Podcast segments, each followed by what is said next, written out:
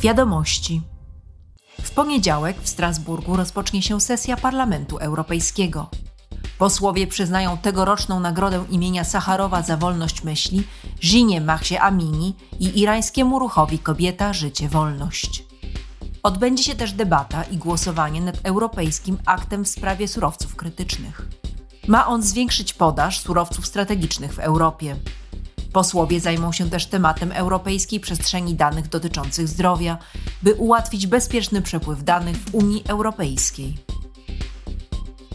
Podczas sesji posłowie zagłosują też nad wnioskami dotyczącymi wyborów europejskich, które odbędą się w dniach od 6 do 9 czerwca 2024 roku. Jeden z nich dotyczyć będzie mechanizmu wyboru przewodniczącego Komisji Europejskiej.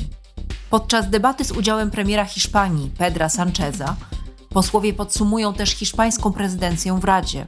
Przedstawią także swoje oczekiwania wobec następnego posiedzenia Rady. Dziś delegacja parlamentu udaje się na konferencję klimatyczną COP28 w Dubaju. Uczestnicy konferencji dokonają pierwszego globalnego przeglądu postępów we wdrażaniu porozumienia paryskiego. Wizyta delegacji w Emiratach Arabskich potrwa do wtorku. Thank you.